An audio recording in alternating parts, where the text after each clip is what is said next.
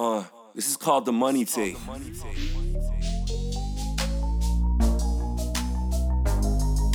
They wanted something new, so I got white boy spitting so tight. This can't be a white boy.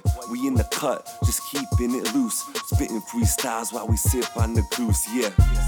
Although we're acting outrageous, catching a flow is most likely what saves us. Damn, the truth it can hurt, so I put in work and prepare for the worst, man. But I strive for the best. Try to be you, dude, whenever you can. Yeah, that's a major key. I'm just a pencil neck, but you should listen, please. All I need is a second. I can take no, I can handle rejection. But I can't accept second when when I enter and there's no exception.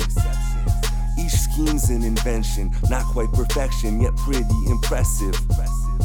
I play like a veteran, stage looking set, I am cracked with direction. I think that was probably the one, best one insurance.